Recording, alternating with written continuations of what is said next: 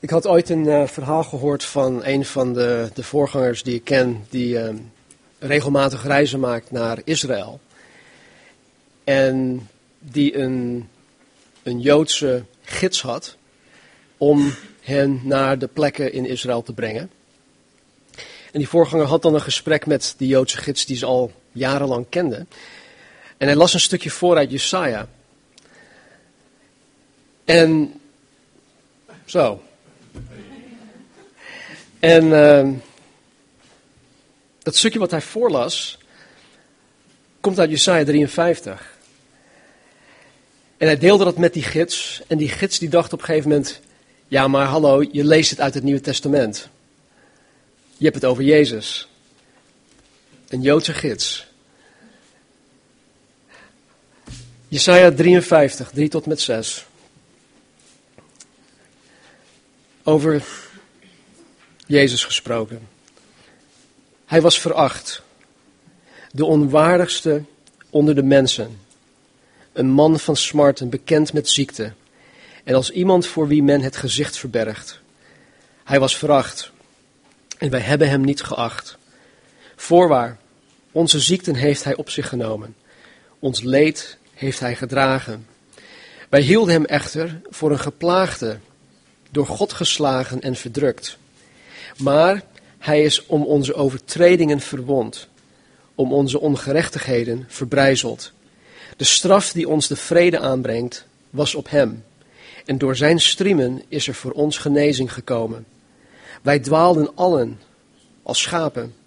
Wij keerden ons ieder naar zijn eigen weg. Maar de Heere heeft de ongerechtigheid van ons allen op hem doen neerkomen. Tot zover. Zo'n 700 jaar voor de komst van Jezus Christus op aarde gaf de profeet Jesaja deze woorden. God gaf de profeet deze woorden. En hij gaf al aan wat de Messias, wat Jezus Christus zou bewerkstelligen tijdens zijn bediening hier op aarde. En wat ik zo gaaf vind is dat, uh, is dat de schrijvers van het Nieuw Testament de profetieën vanuit het Oude Testament gebruiken om hun zaak te onderbouwen.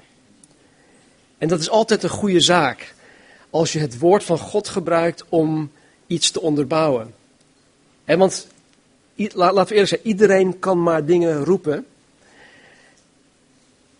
Maar als het niet gebaseerd is of niet gegrond is in Gods woord, dan zijn het alleen maar woorden. In Matthäus 8, vers 16, het gedeelte dat we vorige week ook uh, voorgelezen hadden. In vers 16 staat dit. Toen het nu avond geworden was, brachten ze velen die door demonen bezeten waren bij hem. En hij, dus Jezus, dreef de boze geesten uit met een enkel woord. En hij genas allen die er slecht aan toe waren, zodat vervuld werd wat gesproken was door de profeet Jesaja toen hij zei: Hij heeft onze zwakheden op zich genomen en onze ziekten gedragen. Matthäus en, en ook de andere Nieuwtestamentische schrijvers, die grijpen telkens terug naar het Oud Testament.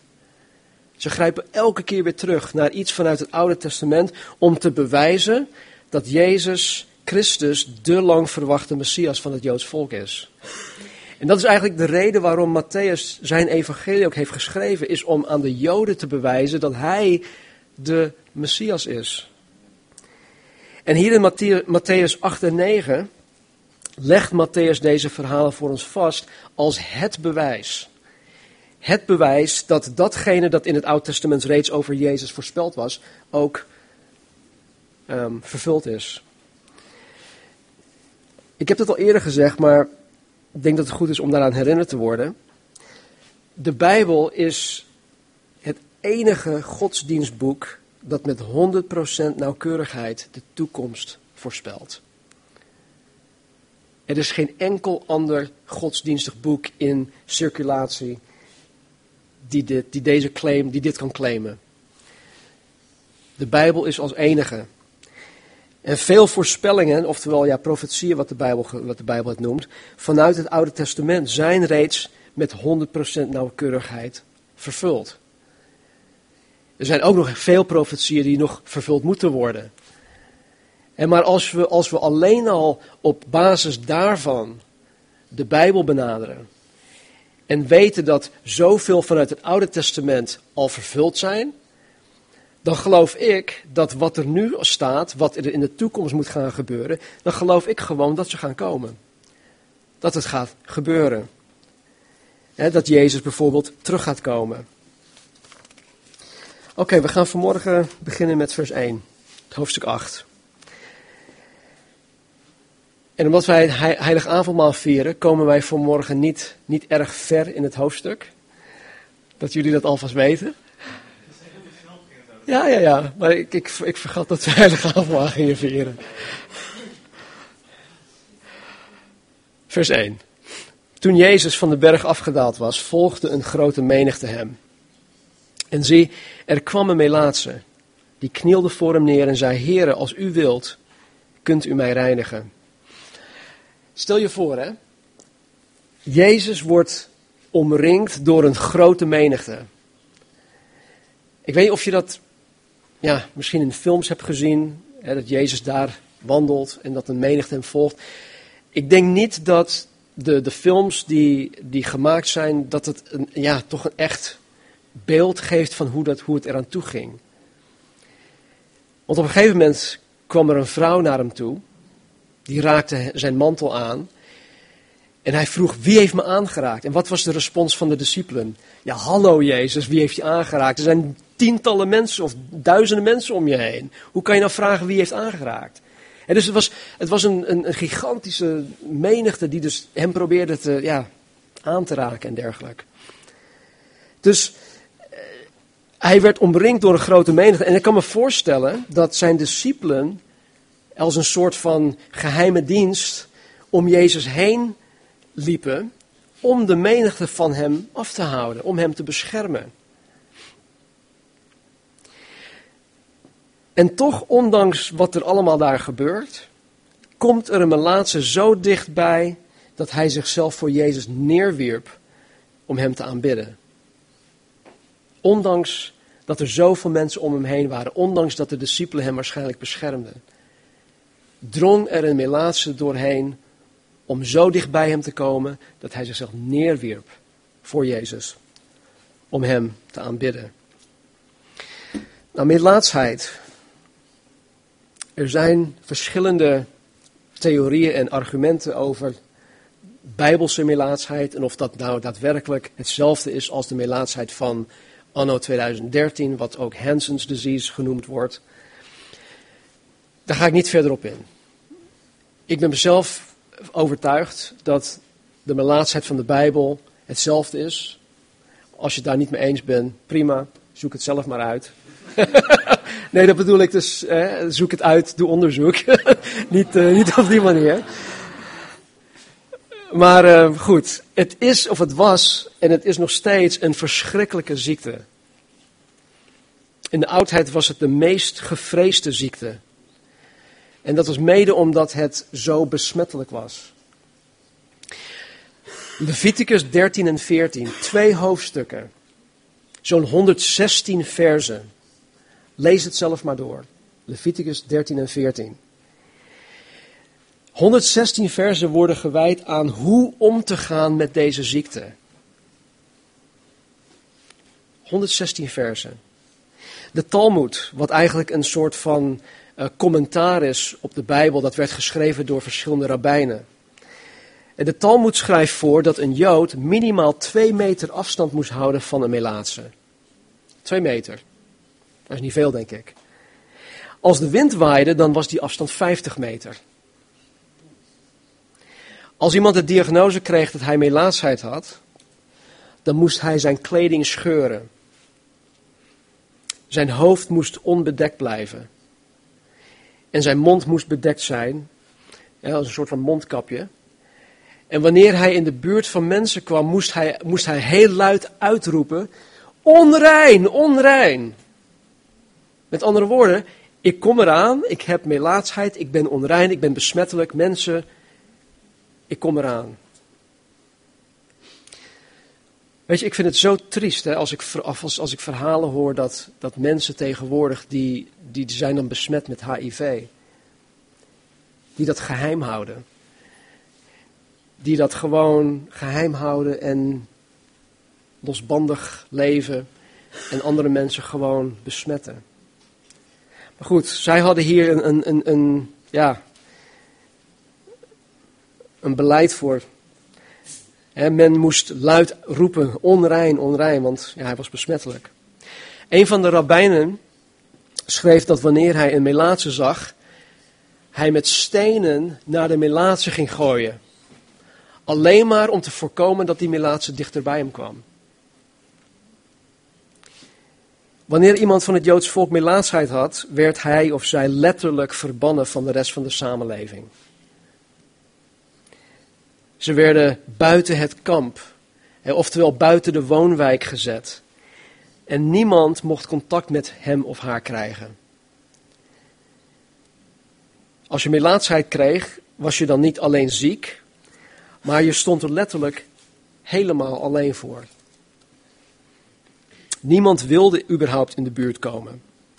Dus al je contact met, met je man of met je vrouw, met je kinderen, met je, met je gezin, met je familie, met je vrienden enzovoort, al, al, alle contact werd geheel verbroken. Je stond er echt helemaal alleen voor. Als melaatse werd je door de maatschappij verworpen. Je werd veracht, verwaarloosd, met het gevolg dat je een zeer eenzaam bestaan had.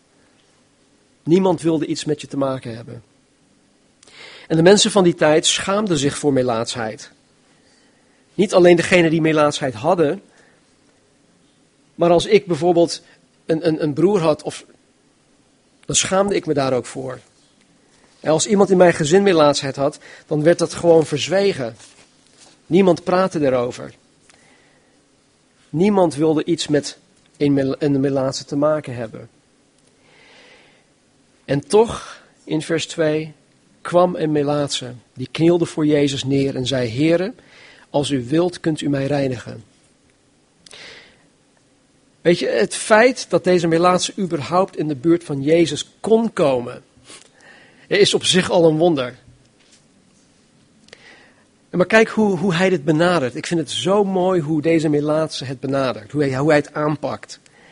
Ten eerste ging hij naar Jezus toe met de zekerheid dat Jezus hem op zijn minst te woord zou staan. Op zijn allerminst. En want blijkbaar had hij al iets van Jezus gezien of gehoord en, en hij wist gewoon dat Jezus hem niet zou afwijzen. Hij wist dat Jezus hem niet zou stenigen zoals de andere rabbijnen dat zouden hebben gedaan. Hij wist blijkbaar dat Jezus zich niet schaamde voor hem. En waardoor zijn eigen schaamte hem ook niet tegenhield om naar Jezus toe te gaan. Schaamte is, is, is heel krachtig. Dat, dat verlamt sommige mensen. Maar het verlamde hem niet. Hij stond ook niet, weet je, op een afstand te schreeuwen van Jezus! Nee, hij, hij kwam recht op Jezus af. En hij, hij, hij wierp zichzelf neer voor Jezus. Zonder enige aarzeling. En ik geloof dat het enige waar, waar deze melaatse mee bezig was, was zijn eigen diepe nood. Ik ben een melaatse, er is geen hoop voor mij. En hij kwam naar Jezus toe met de wetenschap van de bereidwilligheid van Jezus om hem in zijn nood tegemoet te komen. Hij had al iets gezien, hij had iets gehoord. Misschien waren er andere melaatsen al gereinigd of genezen door Jezus. Hij kon bij niemand anders terecht. En hij wist met 100% zekerheid dat Jezus hem kon helpen. Weet je, ik geloof dat zolang ik denk dat ik ergens anders terecht kan met mijn problemen, zolang ik uh, zelf een oplossing kan bedenken, en zolang ik niet met 100% zekerheid geloof dat Jezus mij kan helpen, zal God mij ook niet helpen. Ik heb inmiddels genoeg ervaring met God dat, dat ik tot die conclusie kan komen. Zolang ik nog zelf vasthoud aan dingen van ik kan dit nog wel oplossen, ik wil de controle hierover uitoefenen, Zolang ik ergens anders terecht kan, dan, dan zegt God van oké, nou prima, probeer het maar. Ga je gang. Met de hoop, met het doel dat je tot het einde van jezelf komt en jezelf uiteindelijk neerwerpt voor de troon van God. Net als deze Melaatse. Hij knielde voor Jezus neer. Letterlijk staat hier in de grondtekst dat hij zichzelf voor Jezus neerwierp en hem aanbad. Eh, proskuneo, dat, dat, dat, is een, een term van aanbidding. Hij wist dat hij met God te maken had. Hij noemde Jezus Here. Niet als meneer, maar echt, geloof ik, als Here. Hij zag Jezus Christus als Adonai. Als Here.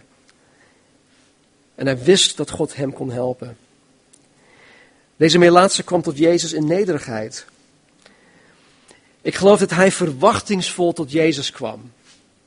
Met heel veel verwachting dat Jezus hem zou kunnen helpen. Maar hij stelde geen eisen. Hij zei, Heere, als u wilt, kunt u mij reinigen. Hij vroeg Jezus niet eens om hem te genezen. Hij vroeg niet eens, Heere, reinig mij. Hij erkende alleen maar het feit dat indien Jezus het wilde, Jezus het zou kunnen. Hij eiste absoluut niets van Jezus. Hij vond zichzelf denk ik ook niet eens waardig om iets van, van Jezus te eisen. Maar hij gaf zichzelf geheel over aan de wil van God om met hem te doen wat God goed vond. Hij gaf zichzelf gewoon over. Weet je, dit, dit impliceert, dit is belangrijk. Dit impliceert dat de Melaatse bereid was om de rest van zijn leven hier op aarde als een Melaatse door het leven te gaan. Snap je wat ik bedoel? Hoe hij Jezus benaderde, impliceert dat hij bereid was om de rest van zijn leven hier op aarde als een Melaatse door het leven te gaan. En natuurlijk wilde hij genezen worden.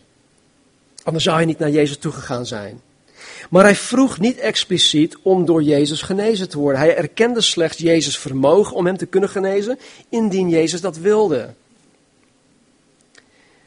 En het maakt niet uit waar je vanmorgen mee zit of wat voor onmogelijk probleem je vanmorgen hebt.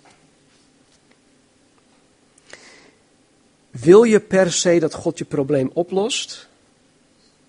Of ben je bereid om jezelf geheel aan de wil van God over te geven om wellicht de rest van je leven hier op aarde met dat probleem te zitten? Dat is pas overgave. Of wil je per se dat God het oplost? Of zeg je van Heer, u kunt het.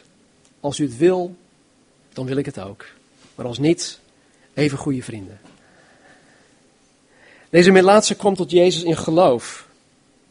Hij zei, Heere, als u wilt, kunt u mij reinigen. Letterlijk staat er in de grondtekst, u hebt de kracht, de dynamis, de kracht om mij te reinigen. Hij had de absolute overtuiging dat God de kracht heeft om hem te reinigen. Weet je, en mijn gebed is dat in ieder van ons dezelfde overtuiging krijgt dat God de kracht heeft om, en vul het zelf maar in, wat je ook nodig hebt dat God de kracht heeft om. En zo'n geloofsovertuiging, samen met een nederige onderworpenheid aan de soevereiniteit van God, is in mijn optiek het toppunt van geloof. Is het toppunt van geloof. En met deze instelling, met die hartsgesteldheid, kwam de Melaatse tot Jezus. Ik wil even wat foto's laten zien van wat een, een hedendaagse persoon, eh, ja, hoe, hoe een hedendaagse persoon eruit ziet die melaatsheid heeft. En dan kan je jezelf misschien een beetje plaatsen in deze man, of deze man, die dit had. En wat voor geloof nodig was om zichzelf over te geven aan Jezus. Nou, dit, dit is een van de verschijnselen. Dat zijn ja, sponsachtige dingen op je, op je gezicht. Hier heb je handen die zo misvormd worden. Hier heb je weer een hand. En als laatste zie je een man hier met een paar kunstbenen. Zijn handen zijn helemaal weg, zijn voeten is, is, is er niet meer. Als ik dat was, weet ik niet of ik het geloof zou hebben dat Jezus mij ter plekke kon genezen. Dat iemand met zo'n gezicht ineens een gaaf gezicht zou krijgen. Dat iemand met zulke handen ineens gezonde handen zou krijgen. Iemand met stompjes als benen. Met één woord heel zou zijn. Hij geloofde het. Wie van ons heeft zowel de geloofsovertuiging van deze Melaatse en de onderworpenheid aan de soevereiniteit van God om jezelf geheel aan zijn wil over te willen en kunnen geven. Want zo kwam hij tot Jezus. Hij eiste niets van hem.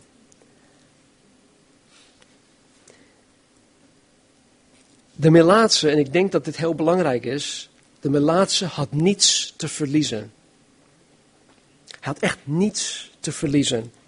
Er was niets dat hem weer hield om zichzelf geheel aan de wil van God over te geven. Hij had geen reputatie die hij moest hooghouden. Eh, hij hield zich niet bezig met wat anderen van hem vonden. Hij schaamde zich niet voor Jezus. We hadden net gezongen, it's just you and me here now. Only you and me. dus de, de blik van die Melaatse gericht op Jezus. Het kon hem niks schelen wat er om hem heen gebeurde. Wat anderen van hem dachten, wat anderen van hem vonden. It's just you and me.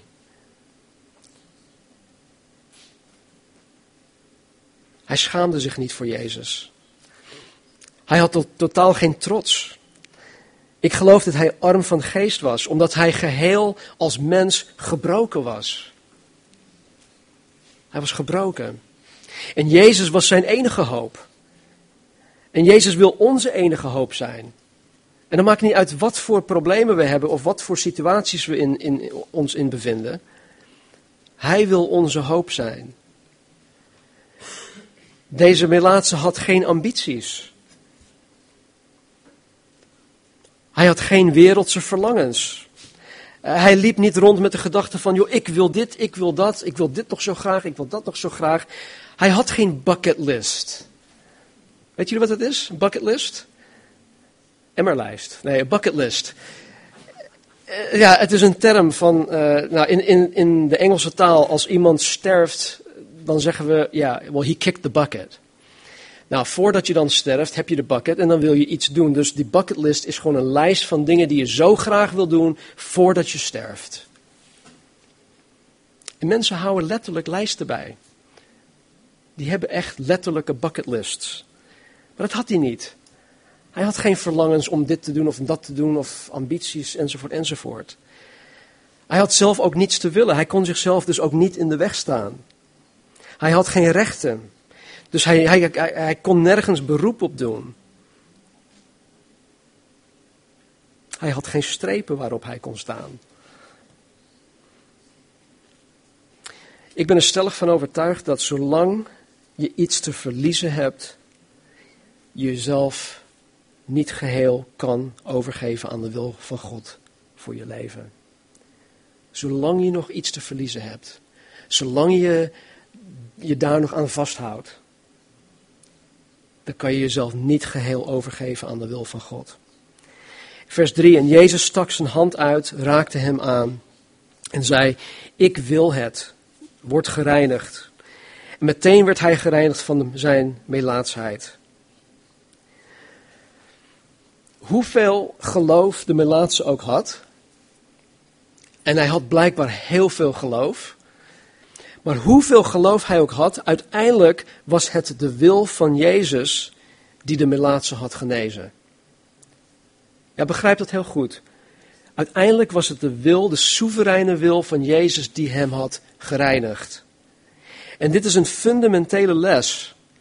Waarom? Omdat al te vaak wordt er tegen mensen gezegd dat de reden dat God iemand niet geneest is omdat men niet genoeg geloof heeft. Natuurlijk heeft geloof daar iets mee te maken. Natuurlijk speelt geloof daarin een rol. Maar al heb je het geloof van de Melaatse, wat hij ook had. Hij zegt, Heer, u kunt het, ik geloof het. Indien u het wil. Hij erkende de soevereiniteit van God, de soevereine wil van God. Kijk, als er iemand is die, God, die in Gods kracht geloofde, dan is het de apostel Paulus wel.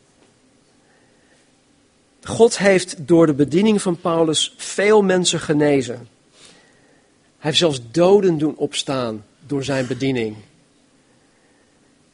Paulus is in Lystra gestenigd. Ze dachten dat hij dood was. Ze hebben hem de, de stad uitgesleept. In 2 Korinthe um, hoofdstuk 12, denk ik, zegt hij zelfs dat hij, dat hij iemand kende, en daar is hij zo, zo bescheiden in, die in de derde hemel was gekomen. Met andere woorden, hij was in Gods aanwezigheid gekomen. En hij, maar hij kon niet in woorden uitleggen wat hij daar gezien en meegemaakt had. Woorden schieten daarin tekort. Dus ik geloof dat hij zelf uh, ja, de dood was ingegaan, dat God hem meegenomen had naar de hemel toe en dat hij weer terugkwam. He, dus Paulus die, die, die, die moet heel veel geloof hebben gehad. Jezus is na zijn opstanding, na zijn hemelvaart aan hem verschenen. Op zijn minst twee keer. Op de weg naar Damascus en ook een keer in Korinthe. In de gevangenis. En ondanks zijn geloof, de geloof van, het geloof van Paulus in de kracht van God, toen Paulus God smeekte, toen hij God smeekte om hem te genezen, zei God tegen hem: Nee, Paulus. Nee. Mijn genade is voor u genoeg, want mijn kracht wordt in zwakheid volbracht. Natuurlijk kon God hem genezen. Natuurlijk kon God dat ding van hem wegnemen. Maar God zei gewoon nee. God is soeverein. God heeft altijd het laatste woord, ondanks ons geloof. En Jezus zei tegen hem in vers 4: Denk erom dat u dit tegen niemand zegt, maar ga heen, laat uzelf aan de priester zien en offer de gave die Mozes voorgeschreven heeft tot een getuigenis voor hen. Hier kom ik volgende week op terug. Wij begonnen met Jesaja 53. Hij was veracht. De onwaardigste onder de mensen, een man van smarten, bekend met ziekte. En als iemand voor wie men het gezicht verbergt. Hij was veracht en wij hebben hem niet geacht. Voorwaar onze ziektes heeft hij op zich genomen, ons leed heeft hij gedragen. Wij hielden hem echter voor een geplaagde, door God geslagen en verdrukt. Maar hij is om onze overtredingen verwond, om onze ongerechtigheden verbrijzeld. De straf die ons de vrede aanbrengt, was op hem en door zijn striemen is er voor ons genezing gekomen. Wij dwaalden allen als schapen, wij keerden ons ieder naar zijn eigen weg, maar de Heere heeft de ongerechtigheid van ons allen op hem doen neerkomen. Mensen, ik geloof met heel mijn hart dat God vandaag de dag mensen lichamelijk geneest. Dat hij dat niet alleen kan, maar dat hij dat nog steeds doet. Ik heb het zoveel keren zelf gezien, zelf meegemaakt. Ik weet, ik, volgens mij heb ik dit niet met jullie gedeeld, maar ik was tijdens de, de Missions Conference in, uh, in Murrieta, drieënhalve week geleden of zo, op een donderdagmiddag, was ik met iemand in gesprek. En uh, het was een uur of vijf s middags, denk ik.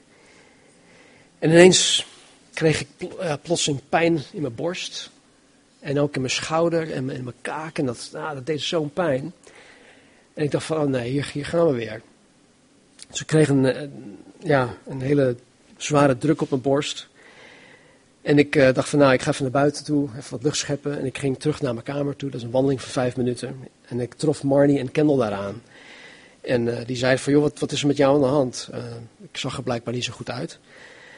En ehm, toen legde ik uit wat er, wat er gaande was. Toen zei ze, oh nee, we gaan, zal ik 112 bellen? Ik zei nee, nee, doe maar niet.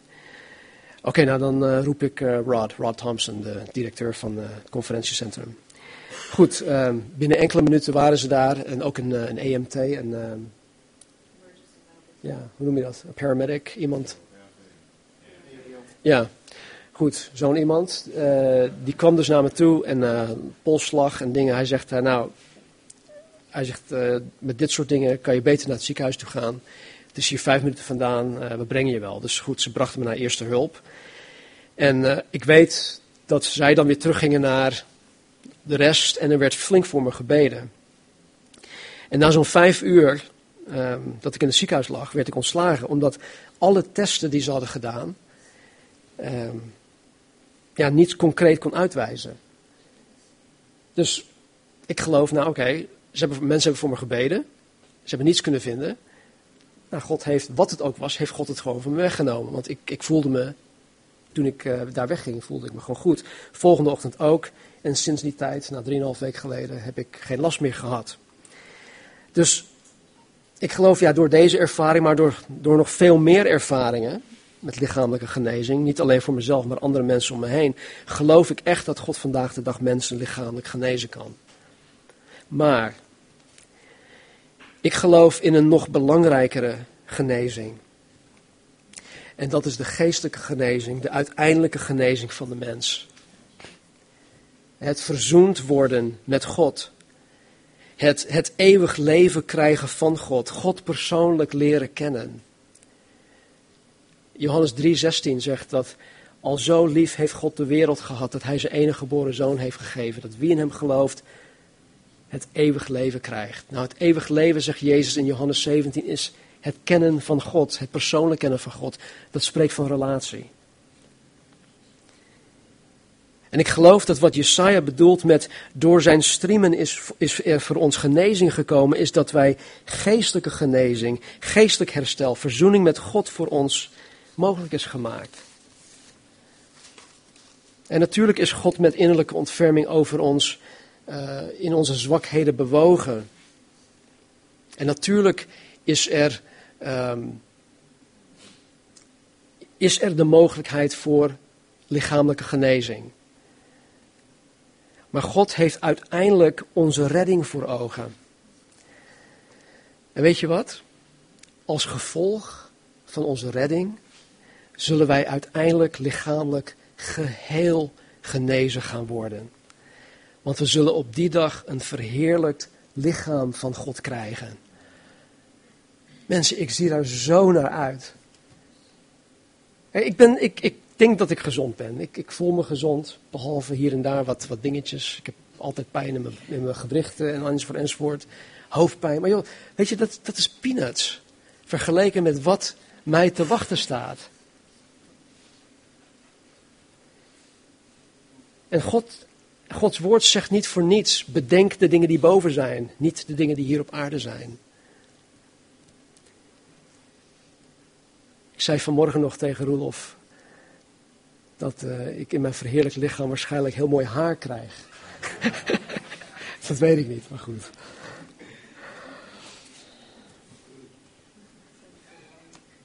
Krulletjes, ja. Laten we. Wat zei je? Het is alleen erg kort. Ja. Nee, laten we bidden. Heren, dank u wel voor uw woord. Dank u wel, Heer, dat u deze melaatse hebt gereinigd. En dat u hem, Heer, als voorbeeld hebt gegeven. Voor ons, Heer. Een voorbeeld van geloof, een voorbeeld van,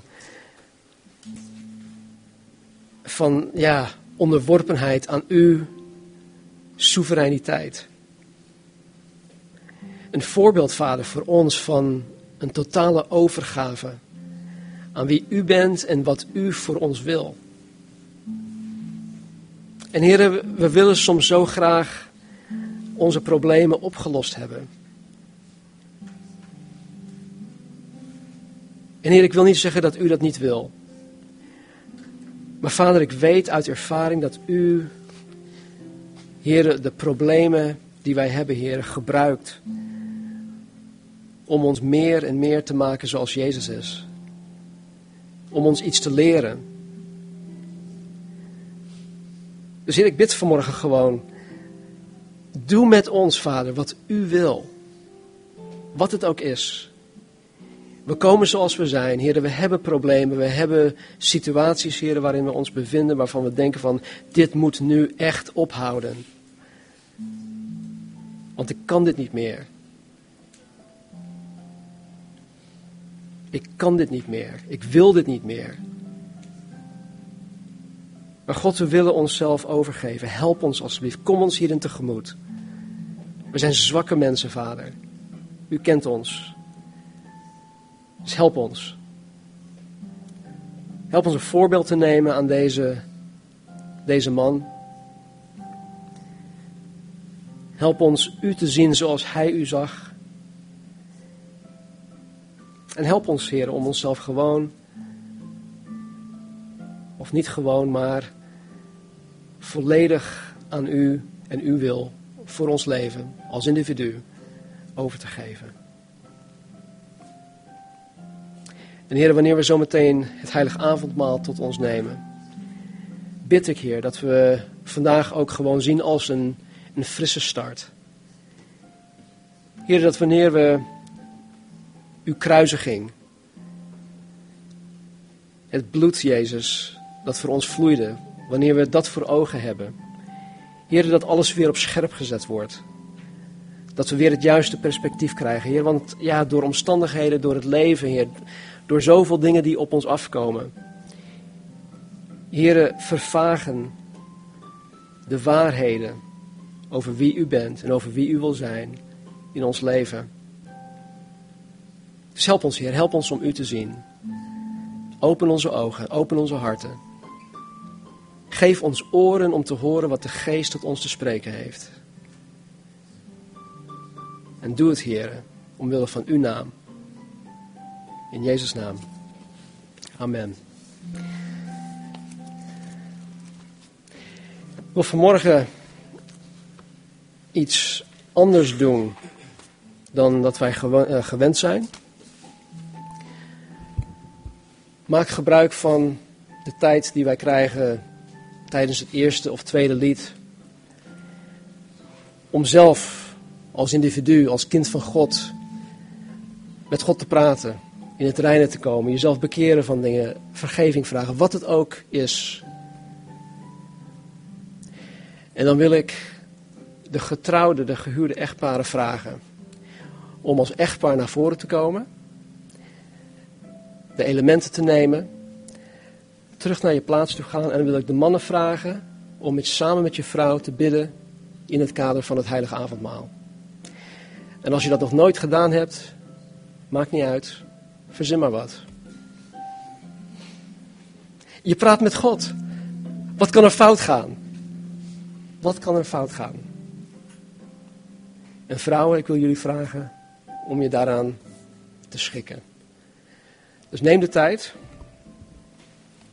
na afloop, ehm, wanneer ik het heb gedaan, dan eh, zal ik naar voren komen. En mocht je, ja, mocht je het verlangen hebben om, eh, of dat er met je of voor je gebeden wordt, dan, eh, dan wil ik dat heel graag doen.